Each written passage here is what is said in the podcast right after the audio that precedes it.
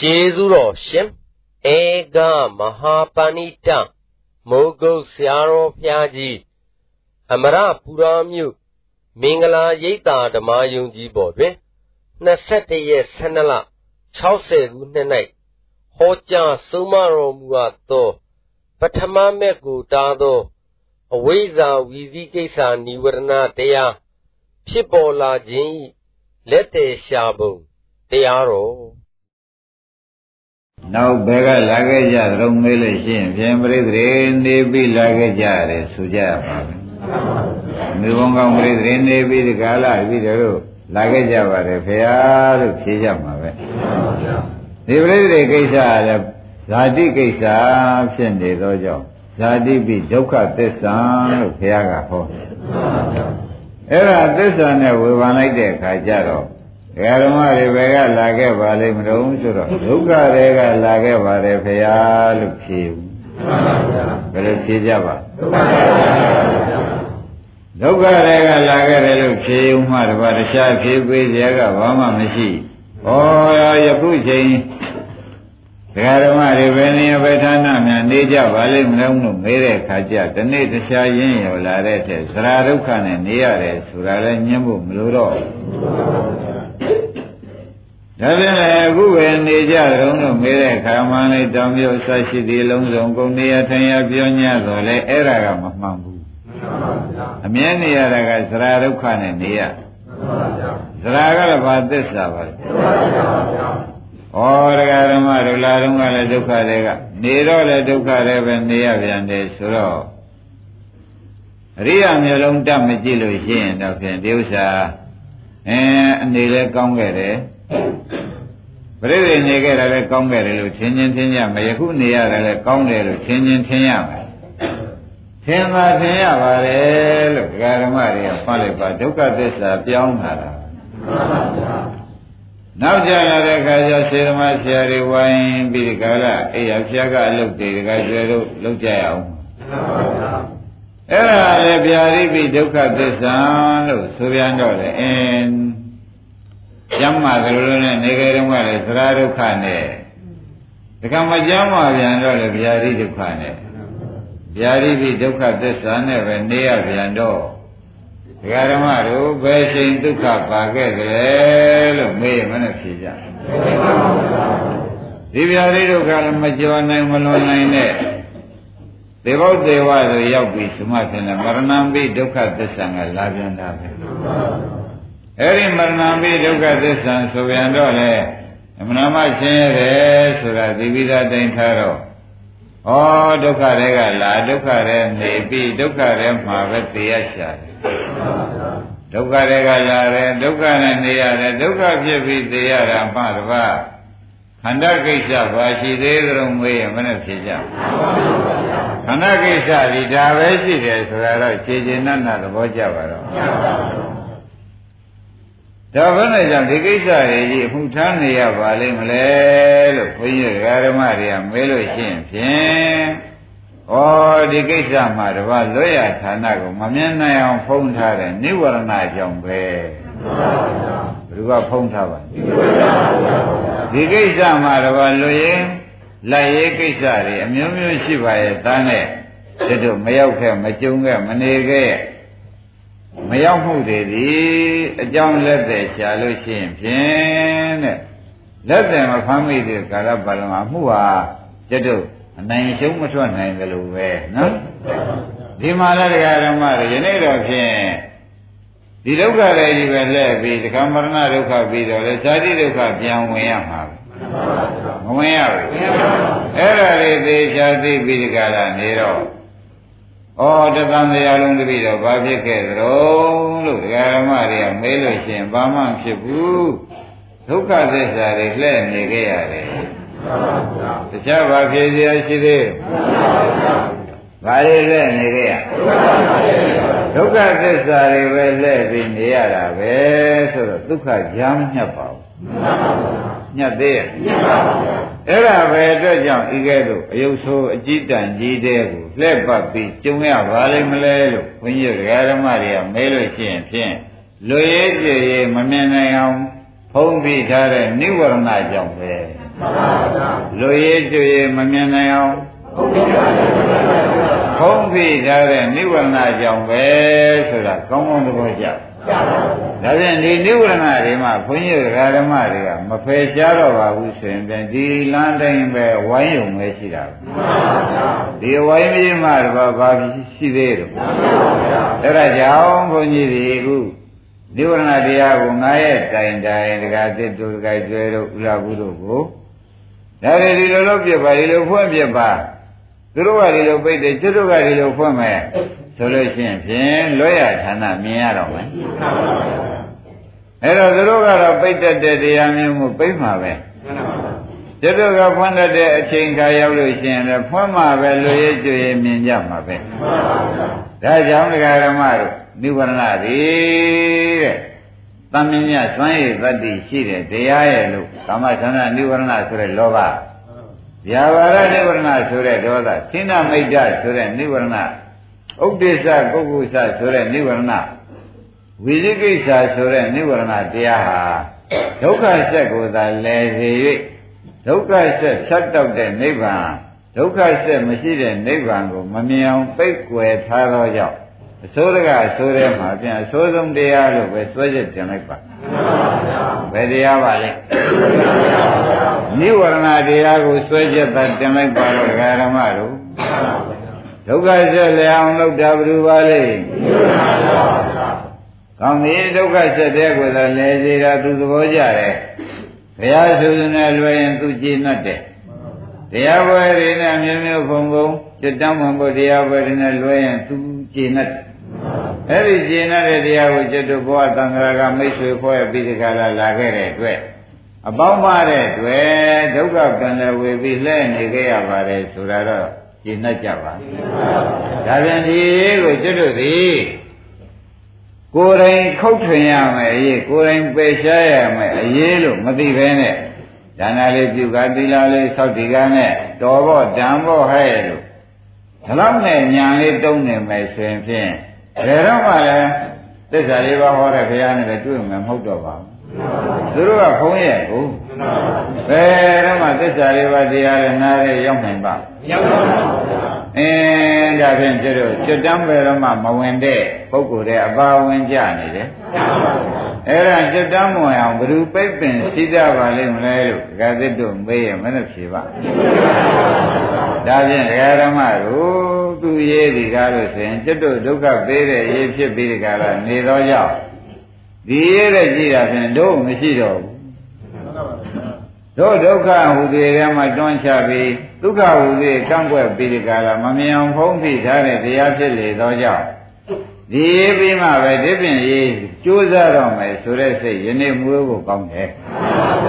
မွေးဖို့မကောင်းဘူးအေးဒါကြောင့်ပောဝတ္တဏနဲ့ဒီတရားကိုမနာပဲနဲ့လေးလေးစားစားနဲ့ဩရေးကြည့်တဲ့ချက်ကိုကိုင်းပြီးဒီကလာ ဘုရားဆုစုနဲ့လွဲတဲ့တရားကလည်းနိဝရဏတရားသူပိတ်ထားတာဟုတ်တရားပွဲတွေကိုဘယ်လိုပြန်တရားစီကြီးအက္ခဏိကဗြဟ္မပေတံတီးလို့ကြား냐ဆိုတော့နိဝရဏပိတ်ထိုက်တယ်ကြားဘူးကြရဲ့မကြားဘူးတော့သစ္စာလေးပါမသိမသိတော့တော်တော်နေရောဓသစ္စာမမြင်ရဒီနေရောဓသစ္စာမမြင်ရတာဘုရုကြောင့်ပါလိမ့်မလို့ ဒါနဲ့တခါတည်းဒါရေးကြည့်တဲ့ချက်မှာရေးကြည့်သလိုဖေရှားတဲ့ညာဟာအလွန်လွန်ရေးကြည့်ရတယ်ဆိုတာကကြွပေါ်သေးဘူးလားပေါ်ပါပါဘုရား။ကဲတရားဓမ္မတို့တသံတရားလုံးအရှုံးကြီးရှုံးခဲ့ရတာဘုရုပိတ်ပင်မှုပါလေ။ဒုက္ခဆင်းရဲတဲ့မှာလှည့်ပတ်ပြီးကာလဘယ်တော့မှမဆုံးနိုင်တဲ့ဒုက္ခကြီးကိုဇာတိရဲ့ဇရာရဲ့ဗျာတိယမရဏရဲ့ဇာတိရဲ့သိုးပြီးဒီကာလ အဝိုင်းဒုက္ခကြီးအပြေခိုင်းတာလည်းဘယ်သူပါလဲဘုရားရဲ့ကင်းငါပါလို့တဲခြင်းမကပွင့်ကြပါရဲ့ကိုကျိုးကိုရာတွေသူတော်ဘာကျိုးတွေရွတ်ဆောင်ပြီးသွားပါရဲ့ကရုဏာတော်ကြီးတွေနဲ့လည်းဟောကြပြောကြပါရဲ့ထို့ထဲလည်းမပါအောင်ပိတ်ပင်တာဘယ်သူပါလဲဒါကြွယ်အလွန်ဆိုးနေပြီဆိုးပါပါဗျာအားလုံးတော့ကဓမ္မတွေစဉ်းစားသမှာအစိုးဆုံးတရားဘယ်သူပါလဲအဲ့ဒါကြောင့် ဒီနိဗ္ဗာန်တရားကိုဇာရသလည်းဟောတယ်သင်္ကာရဝသရုသားလည်းဟောထားတယ်ဒါကြောင့်တရားဓမ္မတွေယနေ့နောက်ဆုံးမဲ့နိဗ္ဗာန်ဖြစ်တဲ့အဝိဇ္ဇာ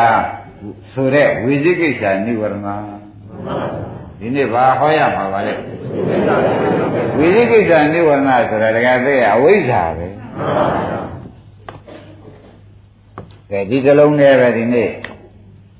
ဒကာဓမ္မတို့ဒီဝိသိကိစ္စនិဝရဏဘယ်ကများလာပါလိမ့်မလဲလို့ကျွတ်တို့မေးဖို့အကြောင်းရင်းရှာဖို့လိုလားသူဘယ်ကလာပါလိမ့်မလို့ဒီဝိသိကိစ္စဆိုတဲ့သံဃာလုံးလေးဟာဝါဝိဇ္ဇာလေးကဘယ်ကများလာပါလိမ့်မလဲဆိုတော့လက်သက်ရှားကြတယ်လို့လက်သက်ရှားလိုက်တဲ့အခါကျလို့ရှင်ဒီသစ်ပင်ဘယ်ကများလာပါလိမ့်မလို့ဆိုတော့အမြင့်ကြောင်ရှားပြီးတုခုတ်ပြရလို့ရှင်ဖြင့်တို့အိမ်တွင်းကြောင်းတွင်မှာရှင်းလင်းမှုဖြစ်သွားမှာပဲ သူအမြင်ရဲမှမရှားနိုင်လို့ရှိရင်လည်းရှင်းလင်းမှုဆိုတော့ဘယ်ကကလာဖြားဖြားအညွန့်နေဝေးလို့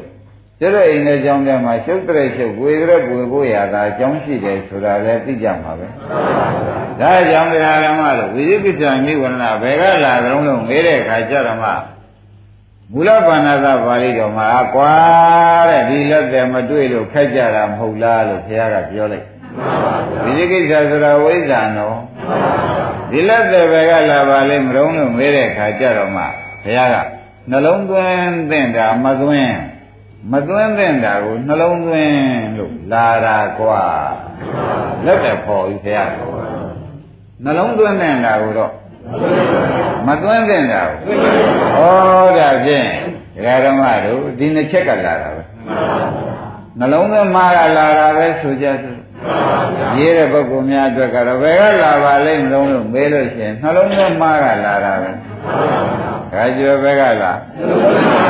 ဩဝိသိကိစ္စဘယ်ကများလာပါလိမ့်မလဲလို့သိသိချာချာအဝိဒီဝိသိကိစ္စမောဟကိုလက်သက်ရှာလိုက်တဲ့အခါနှလုံးသွင်းမှာကလာတာကိုပေါ်ကြဘယ်ကများလာပါလိမ့်တော်တော်အရေးကြီးတယ်လို့တက္ကသမှတ်သမ်းပါ သံမြင်ညရေးကြည့်လို့ရှင်ဘုရားသခင်ကိုရမကြီးဒီဒါနိဝရဏလို့လည်းမဟောဘူးနိဝရဏဖြစ်ကြောင်းကိုလည်းကိုရမကြီးပင်မခံပြီးဟောနေမှာမဟုတ်ဘူးဆရာဘုန်းကြီးများကလည်းသူတည်းနောက်ထပ်ရှင်းပြောနေမှာမဟုတ်ပါဘူးအမတန်ရေးကြည့်တဲ့ကြာပထမမဲ့ကိုတားချလိုက်တဲ့တရား ဒီဝိသိကိစ္စပဲတားပါလေဟောပထမမဲ့မှာမရလို့ရှင်လေဒုတိယတတိယယန္တာဖြစ်ဖို့ဝေးပါသေးရဲ့ဆိုတဲ့အိဗယ်ရှင်းသွားရှင်းပါဒါဖြင့်ဒီတရားမှမဖယ်နိုင်ဘူးဒီတရားဖြစ်ကြောင်းမှမသိဘူးဆိုလို့ရှိရင်ဖြင့်ကျွတ်တို့ဗါရလူလို့ဗါရတမ်းပြီးကြလားနေစေကမူသူကလှုပ်တောင်လှုပ်မယ်မဟုတ်ပါဘူးနိဗ္ဗာန်မဲ့ဘုပင်ရရင်ပြိနေမယ်ဆိုတဲ့အကြောင်းဟာဖြင့်ရှင်းလင်းသွားတော့တာရှင်းပါဗျာဒါသူ့ကို အမတန်ရေးကြည့်လို့ကြီးတယ်လို့သူ့အပေါ်မှာအသားယူပြီးပြောလာတယ်ဆိုတဲ့ဥစ္စာကိုမှတ်ရမယ်သတ္တဗန္တိမဲဆိုတော့ဒိဋ္ဌိဝိသိကိစ္စပယ်ရဒီဝိသိကိစ္စကတော့ဒိဋ္ဌိနဲ့ကလည်းမကွေမကွာတွဲပြီးတကလားနေတဲ့တရားဝိသိကိစ္စဆိုတော့မောဟမောဟဆိုတာအကုသိုလ်စိတ်တစ်ဆက်နှစ်ခုကိုကုံရှင်းတော့ဒိဋ္ဌိနဲ့လည်းရှင်းနေတယ်ဒိဋ္ဌိနဲ့လည်းတွဲနေတဲ့ဝိသိကိစ္စဖြစ်နေတော့ရာဟုလဝိယေ ဒိဋ္ဌိဒိဋ္ဌိနိရောဓနိဗ္ဗာန်နဲ့ဝေးပါသေးရဲ့ဝေးပါပါဒိဋ္ဌိချုပ်မှနိဗ္ဗာန်ရောက်ပါကိုဗျမှန်ပါပါဝိသိကိစ္စချုပ်မှနိဗ္ဗာန်ရောက်ပါကိုမှန်ပါပါပထမနိဗ္ဗာန်ကလေအဲ့ဒီပထမနိဗ္ဗာန်ကိုရောက်ခွင့်ရခွင့်မကြုံအောင်ပိတ်ပင်စိတ်ထားထားတဲ့ဥစ္စာကုယနေ့ဟောမဲ့ပြင်သမမြောက်ဝိသိကိစ္စလို့မှတ်လိုက်စမ်းပါမှန်ပါဗျာရှင်းညရှင်းပါဩတရားဓမ္မတို့ဘုရားသုစုနဲ့လွဲ တရားမျိုးမျိုးနဲ့လွဲနိဗ္ဗာန်မဲ့ဖုံမျိုးကြီးနဲ့ဘယ်တော့မှအေးချမ်းရနိဗ္ဗာန်မဲ့ဖုံမျိုးကြီးနဲ့မကြုံခဲ့တာလမ်းလို့မျောမှန်းလို့မှမကြည့်နိုင်အောင်ပြိပင်ထားတာဘယ်လိုပါလိမ့်မလဲပေါ်ကြဝိသိကိစ္စနိဝရဏဒီသမင်းများဆိုးတယ်လို့ဒကာဓမ္မတို့ကမယူလိုက်ပါနဲ့ပထမနိဗ္ဗာန်တောင်ပြိတ်တယ်ဆိုတော့ဒုတိယတတိယသရုပ်ထတွေဆိုတဲ့နိဗ္ဗာန်တွေ ဘယ်တော့မှရမှာမဟုတ်ပါဘူး။ဒါပေမဲ့ပထမနိဗ္ဗာန်မှမပိတ်လို့ရှိပထမနိဗ္ဗာန်တောင်မှရအောင်မပေးနိုင်လို့ရှိရင်ဖြင့်ကျွတ်တို့အပယ်လေးပါးမှနေစီဆိုတဲ့အမိန့်တော်မှတ်တမ်းတိုင်းဝိသိကိစ္စစီရင်ချက်ချလိုက်။ဝိသိကိစ္စကဘောလုံးပြီးစီရင်ချက်ချလိုက်တော့ကျွတ်တို့ဒီပရမနိဗ္ဗာန်မြင်မှအပယ်လေးပါးတကားပိတ်တာဘူးပရမနိဗ္ဗာန်မမြင်နိုင်အောင်ပိတ်ပင်ထားတယ်ကလည်းဝိသိကိစ္စမောဟဆိုတာတကားကျွေးရှင်းပြီရှင်းပါပါဒါဖြင့်ကျွတ်တို့ဒီ သူရှိတဲ့ကာလပါလုံးအပယ်စာအပယ်မျိုးစိတ်အပေထဲမှာသာကျွတ်တို့ဒီဆင်းရဲတဲ့မှာသာညမမျောပါကြည်ပွားနေရတော့တယ်ဆိုတာဘာမှသံသယရှိဖို့မလိုပါဘူးလိုသေးအဲ့ဒါကြောင့်ဒကာသစ်တို့ဒကာဥလာဘူးတို့ဝိဇိကိစ္စ သမင်ညာရေးကြည့်သလားအလုံးအလုံးပဲဖယ်ရှားဖို့ရေးကြည့်သလားဆိုတာယနေ့ပေါ်လာပေါ်လာသေးဘူးလားအေးဒါကြောင့်ဝိဇိကိစ္စပဲကလာကြုံလို့မေးလို့ချင်းနှလုံးသွင်းမှားကလာသည်အဲဝိဇိကိစ္စပဲကလာပဲနှလုံးမသွင်းတဲ့နာနှလုံးသွင်းလို့နှလုံးသွင်းတဲ့နာမသွင်းလို့ဆိုတော့အမှားတယ်ဆက်လိုက်ပါတော့ပေါ်ကြဝိဇိကိစ္စပဲကလာတော့နှလုံးသွင်းပါ ခိုင်းပေါ်ပြီဒကာဓမ္မတို့ဒါကဝိဇိကိစ္စဒီဘက်ကအာယောနိကောင်မနတိကာရဆိုတဲ့နှလုံးသွင်းမကလာတာအဲ့ဒါသဗ္ဗသောသုတ်မူလပါဏာသာပါဠိတော်သေးသေးချာချာနှလုံးသွင်းမကလာတာဟေးနှလုံးသွင်းမကလာတာဟာသဘောကျဝိဇိကိစ္စမေတ္တာဖုဒ္ဓ အပေလေးပါးကသာဖွင့်ပေးတဲ့တရားမဉ္ဇဉ်ဘုံညာတော့တာအပေလေးပါးသာဖွင့်ပေးတဲ့တရားဘယ်ကများလာပါလိမ့်မလဲဆိုတာဒကာဓမ္မတွေလက်သက်ရှာပါနှလုံးသွင်းပါကလားအဲနှလုံးသွင်းပါကလည်းပြင်ပေးမဲ့လူသားမရှိတော့ဘူးဆိုလို့ရှိရင်ပြင်ခမရတို့ကိုယ်ရင်ပြင်မတတ်ဖို့အရေးကတော့ဝေးပါသေးရဲ့ သဘောကျဒါဖြင့်ဒကာဓမ္မတို့နှလုံးသွင်းပါသည်ကားလို့ဆိုလို့ရှိရင်ဖြင့်တဲ့ပြင်ပေးမှပဲရလုံးဝမှပြင်ပေးမှရမယ်ဆိုတာတကယ်ကျွေးကျင့်납ပါလားကျင့်납ပါအဲ့တော့ကိုတဲ့နှလုံးသွင်းမှပြင်ရတော့မယ်ဆိုလို့ရှိရင်နှလုံးသွင်းကငကိုကတော့မှားတာအပြင်းအစင်ကောင်းလို့ရှိရင်ပန်းရမှာငကိုကတော့မှားပါအဲအပြင်းအစင်ကောင်းမြန်တော့မှန်ပါဒါကြောင့်တက္ကရာဆရာများကပြချင် ကွာတဲ့အပဲသားတွေပါလေရှိပါတယ်သူကြီး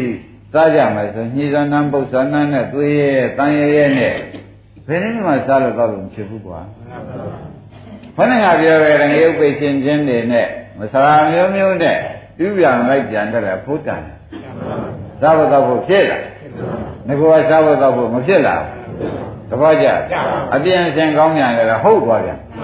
အသုံးတဲ့မသွားဘူးအဲ့တော့ဘယ်သူမဆိုကွာတဲ့အစကတော့ကောင်းခဲ့တယ်ဘယ်မရှိဘူးတဲ့ကလျာဏမိတ်တဆရာကောင်းနဲ့ပေါင်းမှနှလုံးသွင်းမှန်မယ်ကလျာဏမိတ်တဆရာနဲ့ပေါင်းမှနှလုံးသွင်းမှန်မယ်ဆိုတော့ဩတခါကျွေလက်သက်ပေါ်လာပေါ်လာပါ နှလုံးသွင်းမှကြောင့်ဒါလားနှလုံးသွင်းမှပြင်ကျင်လို့ရှိရင်ဖြင့်တရားနာပြီးဒီကာလသူတော်ကောင်းနဲ့ပေါင်းကြဒါမှပဲအပန်ရတော့မယ်လို့ဒဂရဆရာကလည်းဖြေလိုက်ပါတယ်လေဘုဒ္ဓမှာအမတန်ဘုဒ္ဓနဲ့စကားတွေဒကာဓမ္မတို့ဒါလေးသေးသေးနဲ့မထောင်းမင်းနဲ့ဩမဉ္ဇဉ်ဘုံညာရောက်ကြောင်းမှာ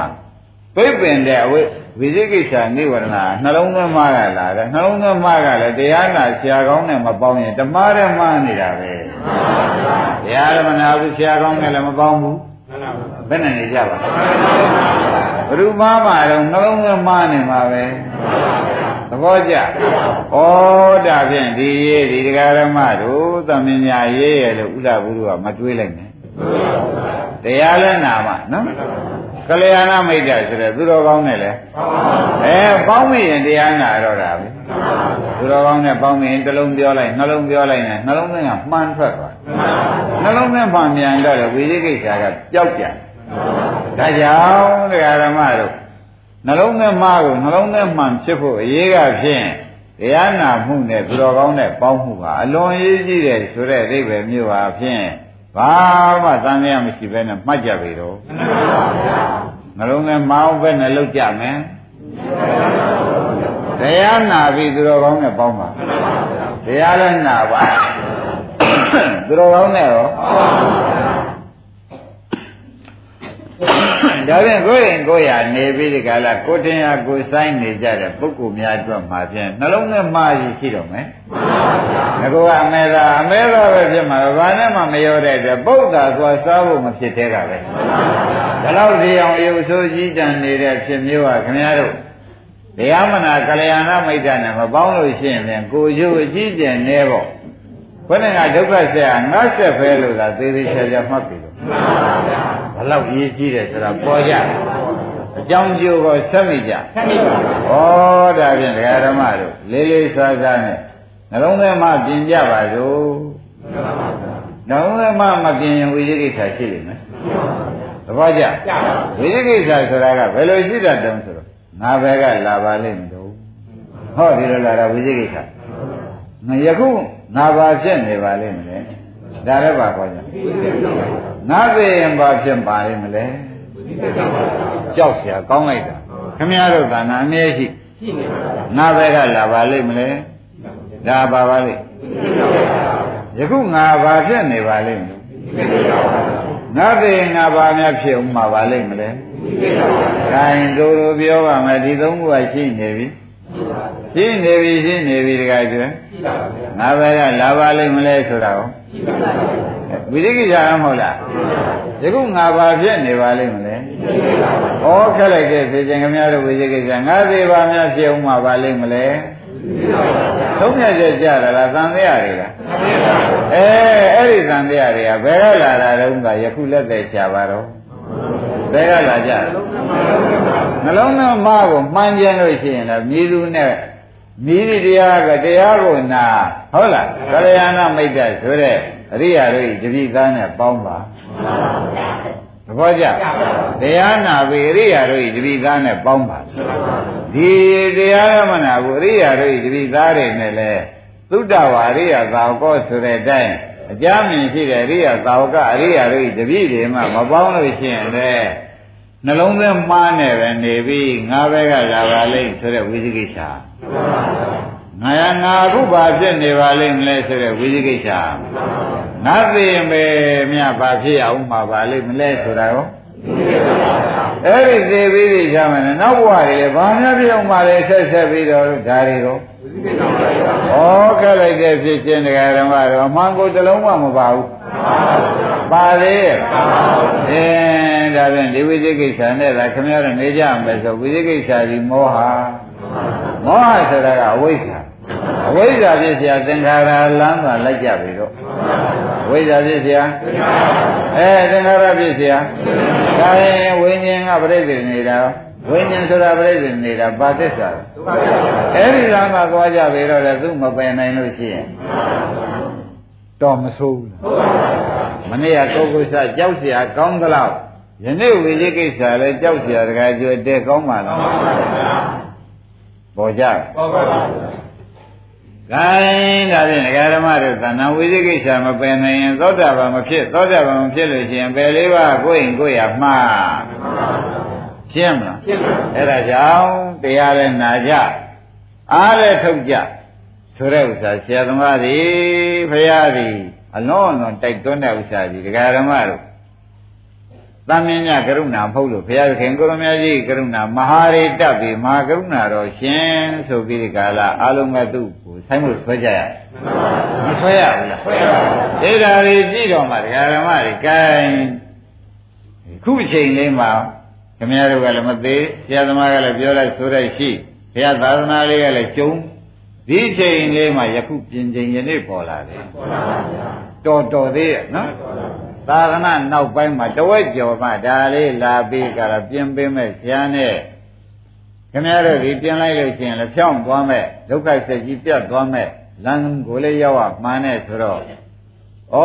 တော်တော်သေးရဲ့ဆိုတဲ့စကားတွေကဒီအချိန်သုံးဖို့တက်တာ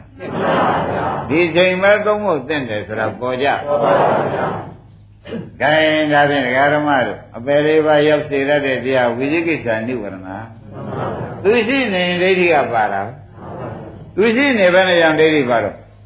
ဒိဋ္ဌိပါတယ်ဆိုတာရှင်းပြအောင်မယ်ဒကာတဲ့ငါသေးငါပဲကလာပါလိမ့်မလဲဟောငါကဒိဋ္ဌိဘယ်ကလာပါလိမ့်မလဲဆိုတာသံတရားသံတရားဆိုတာဝိသိကိစ္စဟောငါပဲကလာပါလိမ့်မလဲဒိဋ္ဌိနဲ့ဝိသိကိစ္စတွဲပြီသဘောကျယခုငါပါဖြစ်နေပါလိမ့်မလဲ တွဲရကြည့်ရငါသေးလို့ရှိရင်နောက်ဘဝငါပါဖြစ်ရမှာပါလိမ့်မလဲကဲခဏတော့ဝိသိကိစ္စဘယ်လောက်ရေးကြည့်တယ်ဆိုတာပေါ်ပါလားဒိဋ္ဌိဝိသိကိစ္စပယ်နိုင်လို့ရှိရင်လည်းပယ်လေးပါးကပိတ်တယ်လို့ဘယ်ဘုရားမှမဟုတ်ဘယ်မှမှလည်းမရနိုင်ဘူးအဲ့ဒါကြောင့်ဒီနေ့ရေးသည်ဥလာဘူးတကကျွဲတို့တန်မြာအရေးမဟုတ်ပါဘူးဟုတ်လား တသံတရားလုံးကနေပြီးဒီကလာဘယ်တော့မှမပွင့်တဲ့မျက်လုံးကိုဖွင့်ရမယ်မျက်လုံးဖြစ်သွားတယ်မဖွင့်တဲ့မျက်လုံးဖွင့်ပြီးသားမျက်လုံးဖြစ်အောင်ဆိုတော့အထူးပြုဆိုင်ပြီးဒီကလာဩတော်တော်ရုပ်ဆိုးနေတာဒီတခါမှမပြင်လိုက်လို့ရှင်းဖြင့်ရုပ်ဆိုးကြည့်တာနဲ့ပဲတန်တရားခီးတယ်ဝန်တန်းသမားအပယ်လေးပါကိုယ်ရင်ဆောက်တော့မှာပဲဆိုတာဖြင့်ဘာမှတန်တရားမရှိကြနဲ့ဒကာဓမ္မတွေသိဆိုးရနေလို့ပြောရတယ် ရှင်းပြီနော်ရှင်းပါပြီအဲ့တော့အရေးကြီးပြောလာတယ်ဆိုလို့ရှိရင်ဖြင့်ဒါမေတ္တာဖို့တာတရားမှုပဲမှတ်မိကြအရေးကြီးပဲနဲ့ကြောင့်ဆရာဘုန်းကြီးကနိုင်ဝတ္တမရှိပြီသူအရေးကြီးပြောနေတယ်မေတ္တာဖို့တာဆိုတော့မဲ့ဖို့တာလိုက်လို့ရှိရင်ဒုက္ခဆက်ကိုလဲစေတာပဲမဲ့ညာဘုံညာတားလိုက်ရင်ဒုက္ခဆက် ဒုက္ခဆက်ကိုလဲစေတာပဲဆိုတာသေချာသိကြသိကြပါဘူး။ဒါရင်ဒါဖြင့်တရားပြန်ကောက်ကြပါစို့ဒကာရမတို့မတ္တဖို့တာကဝိဇိကိစ္စသူသူဒီဘယ်နဲ့ကြောင့်ကျွတ်တို့ဝိဇိကိစ္စခန္ဓာကိုယ်ထဲမှာငါပဲ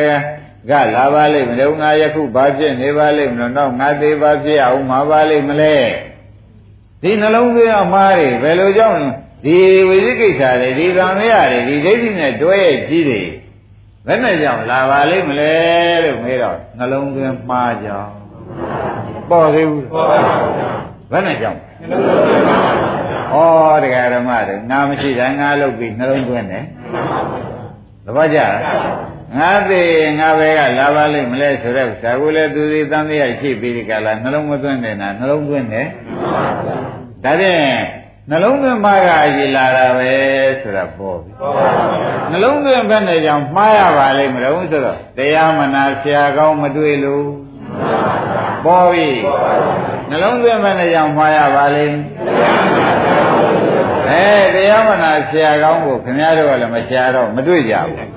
ထိုကဲတော့မတွေ့နိုင်တော့ခင်ဗျားတို့မှာနှလုံးသွင်းမှာတရားမနာဆရာကောင်းမတွေ့တော့ကြောင့်လဲနှလုံးသွင်းမှာကိုယ်ထဲမျက်ရှိ နှလုံးသွင်းမှာမျက်ရှိသောကြောင့်လည်းဝိသိကိစ္စလိုက်ဝိသိကိစ္စလေးရှိနေသောကြောင့်လဲအပယ်လေးပါးသွားရည်ကြောင်ကျိုးဆက်တယ်အမတန်တရားဓမ္မတွေသိသိချာချာပြောနေတယ်တရားမနာဆရာကောင်းမတွေ့သောကြောင့်လဲနှလုံးသွင်းမှာဖြစ်တရားမနာဆရာကောင်းမတွေ့သောကြောင့်နှလုံးသွင်းမှာသောကြောင့်ဘာဖြစ်တုံး ဝိသိကိစ္စဖြစ်လို့အပယ်သွားရဂိုင်းဘူးလားဘူးဘယ်လောက်ရေးကြည့်ရေးကြည့်ပါဗျာအဲ့ဒါကတရားဓမ္မတွေကတော့သွဲချက်တော့တင်းချင်းတင်းညမယ်ဘုန်းကြီးစီတရားနာတာတနေ့မှရေးမကြည့်တဲ့နေ့မပါဘူးဆိုကြလို့ဆိုကြလို့တခါကြောမဆိုးဘူးလားဆိုပါဘူးခင်ဗျားတို့ကတော့ဟိုးတဲ့ကလေးလိုဖြစ်နေတယ်ကလေးလိုဖြစ်နေ ခင်ဗျားတို့ကကျိုးတန်းတဲတဲ့ပုံမှာရှောက်နေတာကျိုးကလည်းပြတ်လို့ဒီပုံမှာပဲကစားနေတယ်အဲ့တော့မြင်ရတဲ့လူကနေတိုင်းရေးကြည့်ရမှာဒီပုဂ္ဂိုလ်ဟာကျိုးကလည်းပြတ်လို့ဒီပုံရှောက်ဆုံးကြားသေးပါလိမ့်မယ်ကြားသေးပါနေတိုင်းကလည်းရှောက်နေတယ်ရှောက်ပါဘူးအဲ့တော့နေတိုင်းမှမြင်ရတဲ့ပုဂ္ဂိုလ်ကခင်ဗျားတို့ဟာငါပြောတာနာထောင်ရေးကြည့်တယ်နင်းရေးကြည့်တယ်ငါပြောတာနာထောင်မင်းရေးကြည့်တယ်မင်းကကြသေးသော၎င်းရှုပ်ပြတ်သေးသော၎င်းမင်းကဒီနှစ်သေးပဲမင်းလုပ်နေတယ် ဆိုတော့နေတိုင်းဒီစကားကိုအရေးကြီးပဲသူ့အတွက်မပြောရဘူးဒီမှာလည်းခင်ဗျားတို့ကဝိဇ္ဇာသင်္ခါရလမ်းကြီးလိုက်နေတော့ရောက်ကြမယ်လမ်းပြိဿတွေရောက်ကြမယ်လမ်းကြီးလိုက်လိုက်ပါဘူးအဲ့တော့ဒီနေ့တော့လည်းဆရာဘုန်းကြီးအရေးကြီးတယ်မင်းတို့အတွက်ဟာဘယ်လမ်းရောက်နေလို့နဲ့ပြန်ကြပြန်ဟောပြန်တော့လေဒီဓမ္မတွေကဘယ်လမ်းလိုက်နေလို့ဟောပြန်တော့ခေါင်းနဲ့ကျိုးကလည်းပြလို့ပြီဒီဓမ္မတို့ဟုတ်လား အင်းဒီထဲမှာပျော်မြူးနေမယ်ဆိုလို့ရှိရင်ဒကာစစ်ပြောလိုက်မပြောလိုက်အဲ့ဒါကြောင့်ခင်ဗျားတို့ကဒီနေ့မှအရေးမကြီးတဲ့နေမရှိဘူးဆိုတာခင်ဗျားတို့ကိစ္စမပေးသေးလမ်းမလွဲနေသေးလို့သွေးကာလပတ်လုံးဒီတရားတွေကိုမပယ်နိုင်သေးသေးကာလပတ်လုံးမှာတို့ရေးမပြီးသေးဘူးမှာဘယ်လိုမှတ်ကြမလဲတို့ရေးမပြီးသေးဘူးသာသေချာမှတ်ပါတကားကြွယ်ရ ရှင်းမလားခိုင်းဒါဖြင့်ဒကာဓမ္မတို့ခဏကအကြောင်းကျိုးဆက်ပုံလေးဝိဇိကိစ္စနှလုံးသွင်းမှပဲကလာပါလိမ့်မလဲတရားမနာဆရာမတွေ့လို့သဘောကျတရားမနာတရားမနာဆရာကောင်းမတွေ့တော့ဘာလာပါလိမ့်ဝိသိကိစ္စလာရင်ဒီနှလုံးသွင်းမှလာတယ်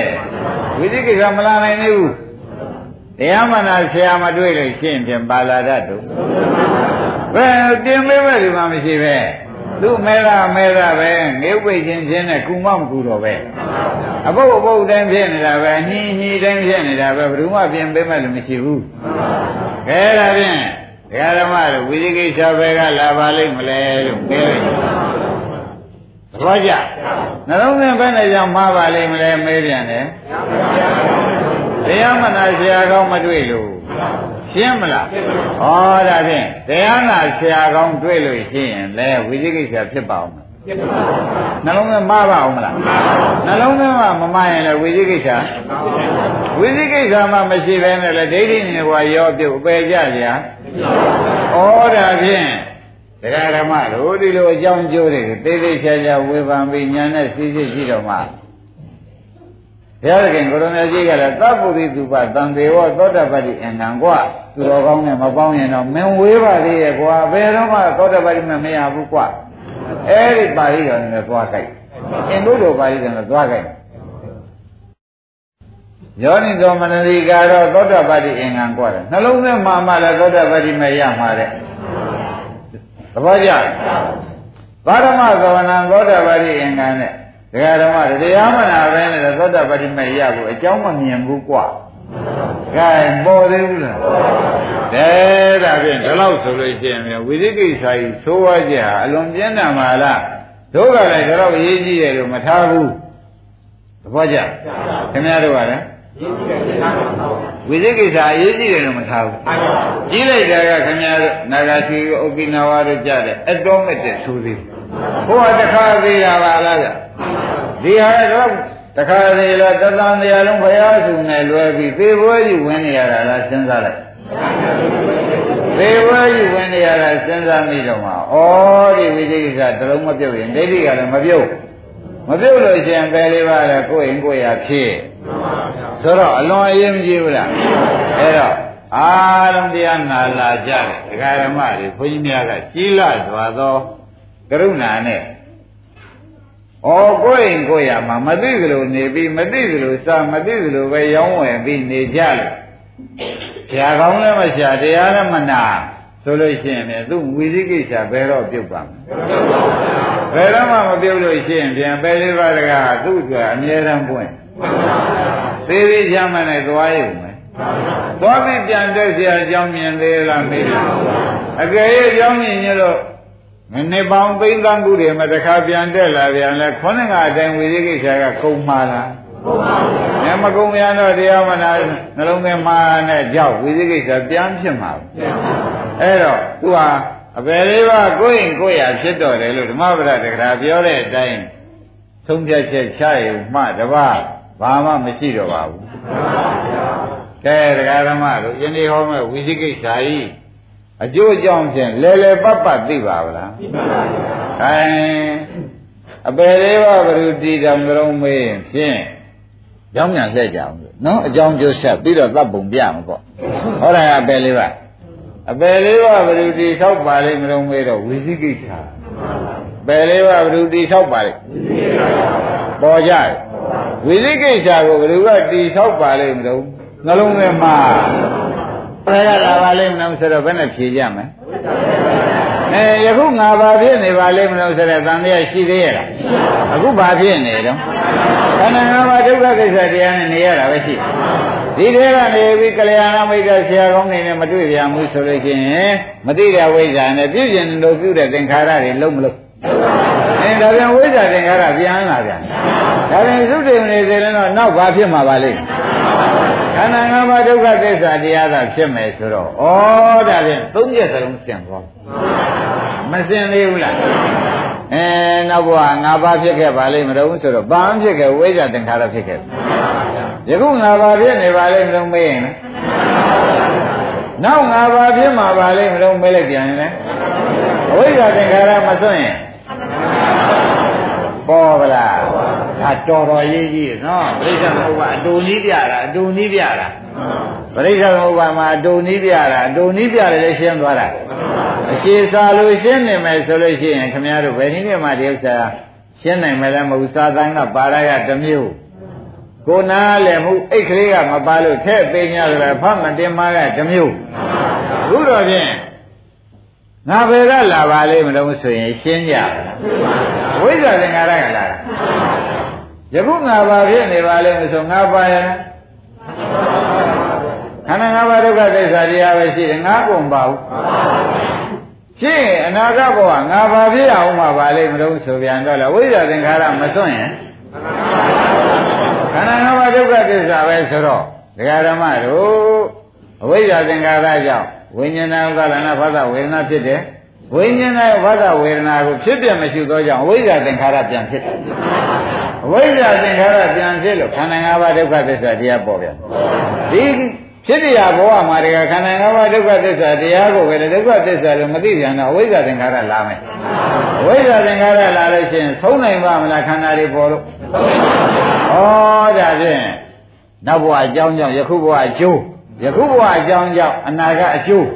ဟောဒီအကြောင်းကျိုးတွေလှဲ့နေပါပဲငါဘက်ကမှလာတာမဟုတ်ဘူးငါလည်းမရှိဘူးနောက်လည်းငါဖြစ်เสียတခုမှမရှိဘူးဆိုတော့ဝိသိကိစ္စတွေရှင်းသွားဘယ်တော့ကဓမ္မတွေတော်တော်လေးပိုင်ကြကဲပိုင်နေဆိုမဲ့ခင်ဗျားတို့ပိုင်တာကကလေးတိတိနေပြန်လို့ရှိရင်လေဥပဒနာညာကမရဘူးနော်အဲ့ဒါကြောင့် နောက်ဘဝမှာအတိတ်ဘဝလွန်ခဲ့တဲ့ဘဝပေါ့ဗျာလွန်ခဲ့တဲ့ဘဝငါဘာဖြစ်ခဲ့ပါလိမ့်မလို့ဆိုတော့ဝိဇ္ဇာသင်္ခါရတွေကြီးလုတ်ခဲ့ယုံနာနဲ့ယုံနာကိုမသိတဲ့အဝိဇ္ဇာသင်္ခါရတွေကြီးနဲ့နေခဲ့ဘူးလားနေခဲ့ပါဘူးအဲနောက်ဘဝငါဘာဖြစ်ခဲ့ပါလိမ့်မလို့ဆိုဘယ်နဲ့ဖြေကြဝိဇ္ဇာသင်္ခါရဖြစ်ခဲ့တယ်ဩယခုငါဘာဖြစ်နေပါလိမ့်မလို့မေးပြန်တော့ခန္ဓာ၅ပါးဒုက္ခသစ္စာပဲဖြစ်နေ ငါသိရင်ပါများဖြစ်အောင်မှာပါလိမ့်မလို့အဝိဇ္ဇာသင်္ခါရမစွန့်ရင်ဒီပြစ္ဆုတ်ပံဘောအဝိဇ္ဇာသင်္ခါရမစွန့်ရင်ခန္ဓာ၅ပါးဒုက္ခသစ္စာတရားမှတော့ဘာဖြစ်မလဲအဲဒါဖြင့်အတိတ်ဘဝကလည်းခန္ဓာ၅ပါးအဝိဇ္ဇာသင်္ခါရ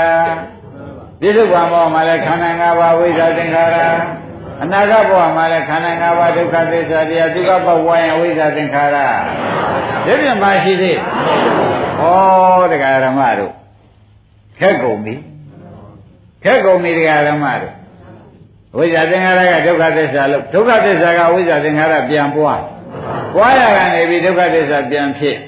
အဲ့ဒီဒုက္ခသစ္စာတွေကနေဝိဇ္ဇာသင်္ခါရဒီတော်ညွန့်တွေကပြန်ထွက်ပြန်ထွက်တော့ခန္ဓာ၅ပါးဒုက္ခသစ္စာပင်ကြီးကပေါက်ဒီပင်ကြီးကနေအသေးပွင့်နေတဲ့တူတဲ့ဝိဇ္ဇာသင်္ခါရတွေကပြန်သိပြန်သိပြန်လို့ရှိရင် ခဏရခန္ဓာ၅ပါးဒုက္ခသစ္စာပင်ကြီးကပြန်ပေါက်မှာဒါဖြင့်တရားဓမ္မတွေဒီပင်ကဒီသိသိလို့ရှိရင်ဒီပင်ပြန်ပေါက်မှာပါရှင်းမလားဒီပင်ကဒီသိသိရင်အဲဒီပင်ကလည်းဒုက္ခသစ္စာပဲဒီသိသိပြန်တော့လေဒုက္ခသစ္စာသိတယ်ပဲသိတယ်ဒုက္ခသစ္စာဖြစ်ဖို့အသိတယ်ပဲသိတယ်မပြန်ပေါက်ပြန်တော့ဘာပဲနေပေါက် ဒုက္ခသစ္စာပင်တွေကပြန်ပေါက်ပြီဘာရင်များသိဦးမှထင်တော့ဒုက္ခသစ္စာဖြစ်စေတဲ့အသိတွေမသိဘူးအဲဒုက္ခသစ္စာဖြစ်စေတဲ့အသိတွေကကြာရပင်ပေါက်ပြန်တော့ဘာရင်များပေါက်ဒုက္ခသစ္စာပင်မဲ့ပေါက်မယ်ဆိုတော့ဩ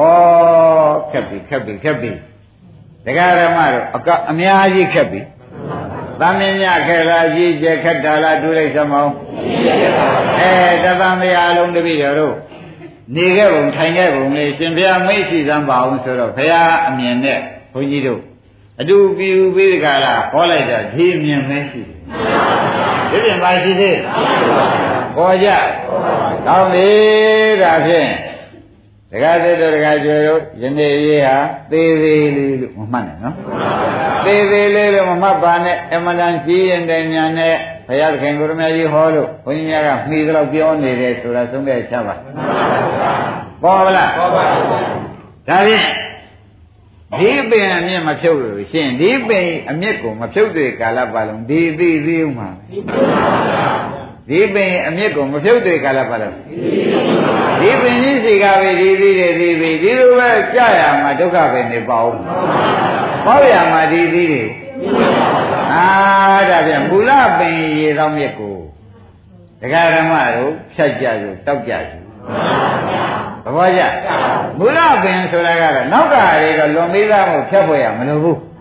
ယခုပြစ္ဆုတ်ပံခန္ဓာ၅ပါးပင်ကြီးကဝိဇ္ဇာသင်္ခါရမသိဖို့အရေးကြီးသဘောကျပြစ္ဆုတ်ပံပင်ကြီးကဝိဇ္ဇာသင်္ခါရအသီးတွေမြေပေါ်မကျဘူးသိရေးကြီးနေတယ်ရရင်တော့အနာဂတ်ပင်ကြီးကအမှန်လေးထွားတော့ကျင်းကျင်းကြီးလာလိုက်မှဖြစ်ချင်းမှမပြောပါနဲ့တော့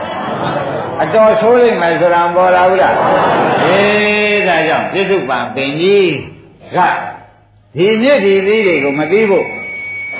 ပြစ္ဆုတ်ပံပင်ကြီးကဒကာဓမ္မတို့ဒီသီးဒီမြစ်တွေကိုမသိဖို့အမြင့်မတွယ်ဖို့အလွန်အရေးမဖြစ်ဘူးလားပေါ်လာပေါ်လာပြီပေါ်လာပြီကကျွယ်ခုမှအလုစခန်းပေါ်လာဒါကြောင့်ခမည်းတော်က သူ့ကလေးတောင်းကတောင်းကနဲ့အလုံးမလုံးလို့ရှင်ဝေးပါသေးရဲ့ဒီပင်ကြီးကသီးလို့ပွင့်လို့ကိုပြီးမှမဟုတ်ပါဘူးပြီးနိုင်မှာမလားအေးဒါတော့အရေးကြီးတဲ့တရားကိုဖြင့်ခမည်းတော်မပွားရမရဘူးဆိုတော့ယနေ့ကိုယ်ပိုင်ညာနဲ့ကိုယ်တိုင်ဆုံးဖြတ်ချက်ချလိုက်သမ်းပါပွားမထုတ်လို့ရှိရင်ဒီခန္ဓာဒီပင်ကြီးကနေဒီသီးမသိအောင်မှမလုတ်တတ်တော့ဘူးဆိုလို့ရှိရင်သွားပြီတော့ရှင်းပြီနော် ဒါဖြင့်ဒါပြစ္ဆုတ်ပံခန္ဓာ၅ပါးပါပါလေအဲ့ဒါခုတရားနာနေတဲ့ခန္ဓာ၅ပါးမှတ်လိုက်စမ်းပါဒီခန္ဓာ၅ပါးတွေကပြစ္ဆုတ်ပံခန္ဓာ၅ပါးတွေကဒကာရမတွေတဲ့ဟောဒီအဝိဇ္ဇာကြီးသင်္ခါရကြီးမသိဘူးအရေးကြီးပေါ်မလားပြစ္ဆုတ်ပံခန္ဓာ၅ပါးတွေကအသီးသာသိလိုက်စမ်းပါအနာဂတ်ပင်ကြီးပေါက်လာမှသေချာလိုက်တာအ နာဂတ်ပင်ကြီးလှလာကြီးပေါက်လာလိမ့်မယ်ဆိုတာခမည်းတော်ကိုဟုတ်လားစားပြန်လဲသေတာပဲနံပြန်လဲသေတာပဲဒီပင်ကြီးကသေပြီးဒီကရလည်းပဲလေးပါသွားပြန်တာပဲအဲဒါလို့ဆိုရခြင်းကြောင့်ပြစ္ဆုတ်ပံခန္ဓာကိုခမည်းတော်မသိအောင်မပွင့်အောင်အဝိဇ္ဇာသင်္ခါရတွေဟူသောအသီးတွေမပွင့်နိုင်အောင် လုံနိုင်တဲ့ဉာဏ်ကိုပေးနိုင်တဲ့ဆရာမပါလို့ရှိရင်ဖြင့် ဒီမြစ်တဲ့ဒီပင်ကြီးကဒီသိသိပြီဒီရော်တွေကမြေပေါ်ကြပြီဒီပင်မျိုးပြန်ပါဦးမယ်ဆိုတာသိချင်မသိကြဘူးလားဒါကြောင့်ဒကာကျွေးဒီနေ့ရေးဟာဖြင့်ဩမြစ်ဖြတ်သေးပါလားမျိုးပြတ်သေးပါလားဆိုတာအောင်မရဒုက္ခပင်ဒုက္ခသီးတွေမြစ်ဖြတ်သေးမျိုးပြတ်သေးပါလားဆိုတာ သေးသေးချာချာအောင်းမိပြီးနာမသာဖြင့်ခရီးပေါက်တော့မယ်ညမရင်ခရီးပေါက်နေမှာအဲဒါကကြောဒီနေ့တရားသမညတရားလားအလွန်ရေးကြည့်တဲ့တရားလားဝိသိကိစ္စနိဝရဏပဲဘုဝိသိကိစ္စသေသွားပြီအတိတ်ဘဝကလည်းဝိဇ္ဇာသင်္ခါရကြောင့်ယခုပြစ္ဆုတ်ပံဘဝကခန္ဓာ၅ပါးယုံနာတရားပေါ်ပါလေ ခန္ဓာ၅ပါးယုံနာတရားကနေပြီးဝိဇ္ဇာသင်္ခါရပြန်ပြီးတော့နောက်နာကဘဝခန္ဓာ၅ပါးယုံနာတရားပဲပေါ်ဦးမယ်အတိတ်က၅ပါးဖြစ်ခဲ့တယ်ဆိုတော့သံတရားရှိသေးလားယခု၅ပါးပါလေ၅ပါးပါလေမလို့ဆိုတော့သံတရားရောမရှိပါဘူးခန္ဓာ၅ပါးဒုက္ခသစ္စာတရားရှိတယ် နောက်အနာကငါဘာဖြစ်ရပါလဲမလို့ဆိုတာကိုရှိသေးရဲ့။ဟိုယခုဘဝိဇ္ဇာသင်္ခါရကချုပ်အောင်လုပ်လိုက်တကားတဲ့နောက်ခန္ဓာ၅ပါးယုံငံတရားလာအောင်လား။အဲဒီလိုဝိသိကိစ္စတွေသတ်ပြီးဒီကာလကာလသုံးပါးနဲ့သတ်လိုက်တာသေသွားပါပြီ။ယုံမှခြင်းက၈ပါး၁၆ပါးနဲ့နဲတာမဟုတ်ဘူး။တို့တော့ဒီသုံးခုထားလဲပြီးတာပါပဲ။ရှင်းပြီနော်။ဒါရင်ဒါဖြင့်ဒကာဓမ္မတို့ခမည်းတော် အသိဉာဏ်ရှိတဲ့ပုဂ္ဂိုလ်ကကြီးကြီးကျယ်ကျယ်ခန္ဓာနာနာအရေးကြီးပြောလာလို့ရှိရင်ဖြင့်ဟောကုသိုလ်ဖြစ်အောင်လို့တရားနာအောင်မယ်ဆိုတာနဲ့မနာပါနဲ့သဘောကျကုသိုလ်ဖြစ်အောင်တရားနာအောင်မှာပဲဆိုတဲ့အနာနဲ့တော့အလကားပါပဲတခါကြောပဲတော့ ဒါတော့နာလို့ရှိရင်အလကားပေါ့ငါဒီသိပြီးကျင့်မယ်ဆိုတဲ့တရားမျိုးနဲ့သာနာပါသိပြီးကျင့်မယ်ဆိုတဲ့အနာမျိုးနဲ့ဖြင့်နာပါကုသိုလ်ဖြစ်တယ်ဆိုတဲ့အနာမျိုးနဲ့တော့ဖြင့်သိပြီးကျင့်မယ်ဆိုတာမပါခဲ့လို့ရှိရင်ခမည်းတော်ဘယ်နည်းနဲ့မှအပယ်လေးပါးတော့ဖြင့်မလို့ဘူးတရားနာတဲ့ကုသိုလ်ကြောင့်သူတည်ရောက်ပြန်ဆင်းအပယ်လေးပါးကို မဆင်းမှလည်းဆိုရင်ရပါကိုယ်တဏ္ဍာနဲ့ဝိသိကိစ္စအပယ်မျိုးစိတ်ကရှိနေတယ်ဒိဋ္ဌိအပယ်မျိုးစိတ်ရှိနေတာမဆင်းရင်မရဘူးသူတို့ဆွဲချမယ်မချရဘူးလားအေးဒါတွေပြီးတော့မှဩတရားနာရပြီမဲ့သိအောင်လည်းမှတ်မယ်မှတ်ပြီးကြင့်မယ်ဆိုတဲ့နှလုံးဟာအတော်ရေးကြီးပါလား သိအောင်လဲမှတ်ပါမှတ်ပြီးတော့လဲအဲဒီနှလုံးနဲ့နာမခမရတို့သံဃာဝန်းနေပြပြီးဒုက္ခဆက်ရကြီးပြမယ်ဆိုတာပေါ်ကြပေါ်ပါဘူးခိုင်းဒါဖြင့်ပြစ္ဆုတ်ဗံခန္ဓာကြီးတွေကဒကာဓမ္မတော့ဝိဇ္ဇာသင်္ခါရပြီးမသိအောင်သိရေးရှိပါတယ်ပြစ္ဆုတ်ဗံခန္ဓာကြီးတွေက သိရင်သူကဒကာဓမ္မတွေဒီသေးတွေကမြေပေါ်ပြန်ကြမယ်သံဃာမြေပေါ်ပြန်ကြဘုံစရဘုံမြေပေါ်ပြန်ကြရင်ဒကာလည်းလူသိနာသီးတွေသိလာအောင်မသိပဲလူပဲနောက်ပင်တွေပြန်ပေါက်မယ်ဒီသီးတွေကကြပြီးဒကာပြန်ပေါက်ပဲအဲဒါဖြင့်အစိတ်ပင်ရောင်စိတ်သီးတွေကျွေးစိတ်သီးတွေကစိတ်ပင်ပြန်ပေါက်ပေါက်ရကနေပြီးစိတ်သီးတွေနဲ့တခါနေကြဆိုတော့ဒါတွေပြန်စားကိုယ်ပင်နဲ့ကိုယ်စားလုံးနဲ့ပဲသေဝဲစီဝင်တာ သဘောကျအဲ့ဒါကြောင့်ဒကာဓမ္မတို့သမင်းမြအရေးဆိုလို့ရှိရင်ဘုရားခင်ကိုရမေကြီးဟာဘယ်မှာသာရင်ဟောမလဲအမှန်တန်ရေးကြည့်လို့ဟောတယ်ဆိုတော့ပေါ်လာကြအဲဒါဖြင့်ဒီလိုလုပ်ကြကြတော့နော်ဒကာဓမ္မရဲ့သဏ္ဍာန်မှာငါဘယ်ကလာပါလိမ့်မလဲဆိုတော့ဝိဇိကိစ္စလေးတစ်ခါတည်းလာလို့ရှိရင်လေအခုပယ်တော့ပယ်ပြီးပြီလာခဲ့လို့ရှိရင်အဲ့ဒါတွေးကိုမတွေးကောင်းတော့ကြောင့်ဒီဥစ္စာ သာမောဟစိတ်တံသာမောဟစိတ်တံဒီပဇာနာတိဆိုပြီးလာတဲ့ဝိဇိကိစ္စဖြစ်တဲ့ရှိတယ်လာတဲ့ဝိဇိကိစ္စဘယ်ဘုရားကဟောကြုံမေးတော့စိတ်တံဥပါဒနာသတိခံဘုရားအဆူဆူမစွန့်တဲ့သာမောဟစိတ်တံသာမောဟစိတ်တံဒီပဇာနာတိနဲ့ရှုချပါရှင်းမလားသာမောဟစိတ်တံသာမောဟစိတ်တံဒီပဇာနာတိဆိုတော့ဝိဇိကိစ္စမောဟကိုမောမှုထွေးတဲ့ကကိုအဲ့တော့ဒါလေးဖြစ်တဲ့ရှုချဖြစ် တဲ့ရှုပြီးတကလားသူရှင်းသွားတဲ့ချိန်ကြတော့မှခန္ဓာ၅ပါးတွေကကိုကြိုက်ရဝေဒနာဘုန်းကြီးပေးထားတယ်ဝေဒနာကြိုက်တဲ့ပုဂ္ဂိုလ်ဝေဒနာပြန်ရှုသိကြိုက်တဲ့ပုဂ္ဂိုလ်သိပြန်ရှုတော့ဝိသိကိစ္စလည်းရှိသေးရဲ့လားအဲဝိသိကိစ္စကိုလည်းဝိသိကိစ္စကသေသွားတယ်အနိစ္စဖြစ်ရှုတာကမက်ကဖြစ်သွားတော့မက်ကဝိဇ္ဇာလာဖြစ်ဟောအဝိဇ္ဇာချုပ်သွားပြီ အဲ့တော့ဒီရုပ်နေတဲ့ဒါဝိဇ္ဇာမှမရှိဘဲနဲ့ဒီသင်္ခါရနှစ်ခုကအဝိဇ္ဇာပြစ်เสียရှိမှသင်္ခါရနှစ်ခုလာမှအဝိဇ္ဇာပြစ်เสียဆိုတာအကြောင်းသိမ့်လိုက်ပေါ့သင်္ခါရနှစ်ခုကလာပါဆိုလို့အဲ့ဒါကြောင့်ဖြစ်တဲ့ခမည်းတော်ဝိသိကိစ္စလိုက်ဝိသိကိစ္စဖြစ်တဲ့ရှုရင်လေဝိဇ္ဇာဖြစ်ပါဘူးအဝိဇ္ဇာချုပ်သွားပြီသဘောကျအဝိဇ္ဇာချုပ်တော့သင်္ခါရဝိညာဉ်နဲ့ဇာတိဇရာမရဏဒုက္ခတွေဘယ်နဲ့နေလဲအိုးရေကောင်းရဲ့ဖြတ်လိုက်ပြီ ရေကောင်းမြက်မျိုးကြတာလေးဖြတ်လိုက်ပြီမျိုးစေလေးဖြတ်လိုက်ပြီရေကောင်းမြက်ဖြတ်လိုက်ပြီရှင်းမလားဒီဟာတွေဖြစ်ပြရှုနေတော့လိုချင်သေးမလိုချင်တော့ဒီသင်္ခါရဆိုတာကလည်းအလောဘဖြစ်သွားပြီသင်္ခါရကဘာဖြစ်သွားအဲအရင်တော့ကတော့လောဘနောက်ဘာဖြစ်သွားအဲဖြစ်ပြရှုလိုက်တော့မလိုချင်မလိုချင်တော့ဝိဇ္ဇာချုပ်သင်္ခါရရောချုပ်မချုပ်ဘူးလားအဲ့တော့ဒကာဓမ္မတွေကဝိသိကိစ္စဖြစ်ပြရှု ဝိသိကိစ္စမရှိမှသာနဲ့ခန္ဓာ၅ပါးတွေကဆရာပေးထားတဲ့ကြောက်ရ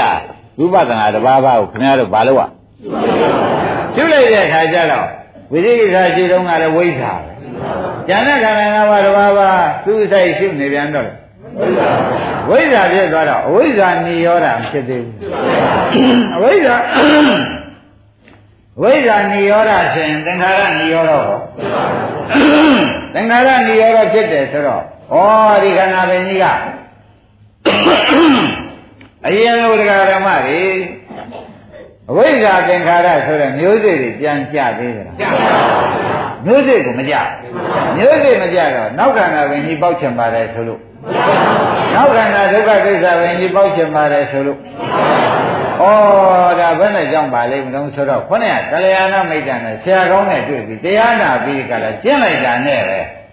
ပထမဒီဘဝဒုက္ခပြီးနောက်ဒုက္ခပြတ်ထွက်တော့ဒီဘဝခန္ဓာဒုက္ခပြီးတော့အဲ့ဒါကြောင့်ဒီခန္ဓာ၅ပါးတွေကဖြစ်ပျက်ကိုခင်ဗျားတို့ဝိသိကိစ္စရာအရင်ရှုဝိသိကိစ္စနိုင်ပြီလို့ရှိရင်ကျန်တဲ့ဝေဒနာကြရင်ဝေဒနာရှုဝေဒနာဥပါဒနာရှု စိတ်ကြရင်စိတ်ကြဥပါဒနာရှုလို့ဘုန်းကြီးမျိုးမျိုးပေးထားတယ်အဲ့ဒီပေးထားတာရှုလိုက်တဲ့ခါကျတော့ရှင်းဖြင့်မဂ္ဂင်၅ပါးလာဖြစ်လာဘူးရှုတဲ့မဂ္ဂင်၅ပါးလာဖြစ်ဘူးလားရှုတဲ့မဂ္ဂင်၅ပါးထဲမှာဒကာဓမ္မတို့ဘာသာတာဖြစ်တဲ့အလောဘတွေအကုန်ပါအဲ့ဒီတွေကအဝိဇ္ဇာသင်္ခါရချုပ်တဲ့တရားရှုတဲ့ဉာဏ်ကဝိဇ္ဇာသူနဲ့ဖြစ်ပေါ်ဖြစ်ပဲတွေကသင်္ခါရချုပ်တာတွေလည်းပန်းဒါဖြင့် ဒီဟာဓမ္မတို့ဖြစ်ပြရှုတာဒီဝိဇ္ဇာသင်္ခါရချုပ်တဲ့အလုံးဖြစ်ပြရှုတာဒီပေါ်ဗလားဒါပြန်ဝေဒနာကြရင်ဝေဒနာဖြစ်ဖြစ်ရှုစိတ်ကြရင်ရှုတိုင်းရှုတိုင်းဝိဇ္ဇာသင်္ခါရဘာဖြစ်ဝိဇ္ဇာသင်္ခါရချုပ်တော့နောက်ကအနာဂတ်ဘဝဆိုတဲ့ဝိညာဉ်နာယကလာနာတွေလာပါဦးဟာဒါဖြင့်မျိုးစိဖြတ်လိုက်တဲ့ဆိုနောက်ပင်နေလုံးဝကိုပဲသုံးလို့သွန်လို့သွားကုန်ပေါ့ ဆိုလိုက်မဆိုလိုက်သဘောကျအကယ်၍ဒီဝိသိကိစ္စကိုမှရှင်းဥစွာလည်းမရှိသူ့ရှုပြီးဒီကလာခမည်းတော်ကလည်းခန္ဓာ၅ပါးတစ်ပါးပါးတဲ့ကသိပ္ပံ၄ပါးတစ်ပါးပါးတဲ့ကကြိုက်ရမှမရှိဘူးဆိုလို့ရှိရင်လည်းခမည်းတော်အဝိဇ္ဇာသင်္ခါရတွေကပြန်ပေါက်ဒါကြောင့်အိမ်မှာနေတဲ့ခါကျတော့သားနဲ့သမီးနဲ့ဆွေးနဲ့နီးနဲ့ဆိုတော့အဝိဇ္ဇာသင်္ခါရအလုပ်ကြီးလုပ်နေမလုပ်ပေဘူးလားအဲအခုလိုဝိပဿနာရဲ့ဆိုင်ပြီးခန္ဓာညာဆက်လိုက်တဲ့ခါကျတော့ အဝိဇ္ဇာချုပ်ရင်သင်္ခါရချုပ်တဲ့အလုပ်လုပ်နေတယ်သဘောကျအဲဝိပဿနာမရှိဘဲနေပြန်တော့ဝိဇ္ဇာသင်္ခါရလုံးလုံးနေတယ်ဆိုရင်လွဲပါကဲဝိပဿနာရှုပါလိဆိုတော့ဝိဇ္ဇာသင်္ခါရချုပ်တဲ့အလုပ်လုပ်နေတယ်ရှင်းမလားဒါဖြင့်ခမရတို့ခန္ဓာ၅ပါးကဖြစ်ပြဖြစ်တော့ဖြစ်ပြကဒုက္ခသစ္စာအဝိဇ္ဇာသင်္ခါရချုပ်အောင်လုပ်နိုင်တဲ့ဒီ၅ပါးကမဂ္ဂသစ္စာဒီဘက်ကနောက်ထပ်မျိုးမကြတာက သမုဒိယသေးတာမျိုးမကြတာကလေအဲနောက်ခန္ဓာဝင်ကြီးမပေါက်တာကနိရောဓသစ္စာဒီလိုသစ္စာတွေဝင်သွားလို့ရှိရင်ခင်ဗျားတို့ကိစ္စပြီးတာပဲရှင်းမလားကဲနိုင်ရှိပြီတော့ကြစို့